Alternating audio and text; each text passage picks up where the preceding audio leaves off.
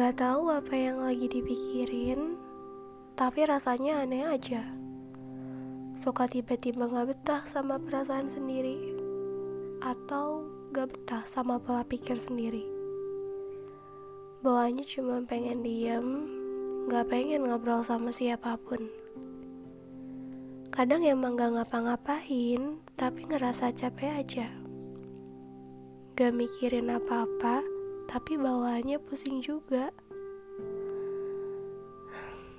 Kayak udah lelah sebelum mencoba, atau mungkin udah nyoba tapi nggak tahu hasilnya apa. Rumit banget emang, jadi diri sendiri yang nggak tahu maunya apaan.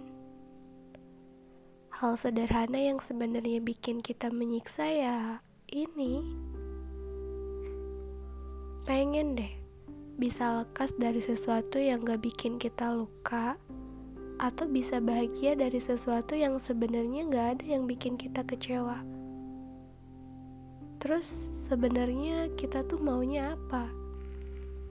Di sama sesuatu yang gak tahu harus ngertiin kita dari mananya.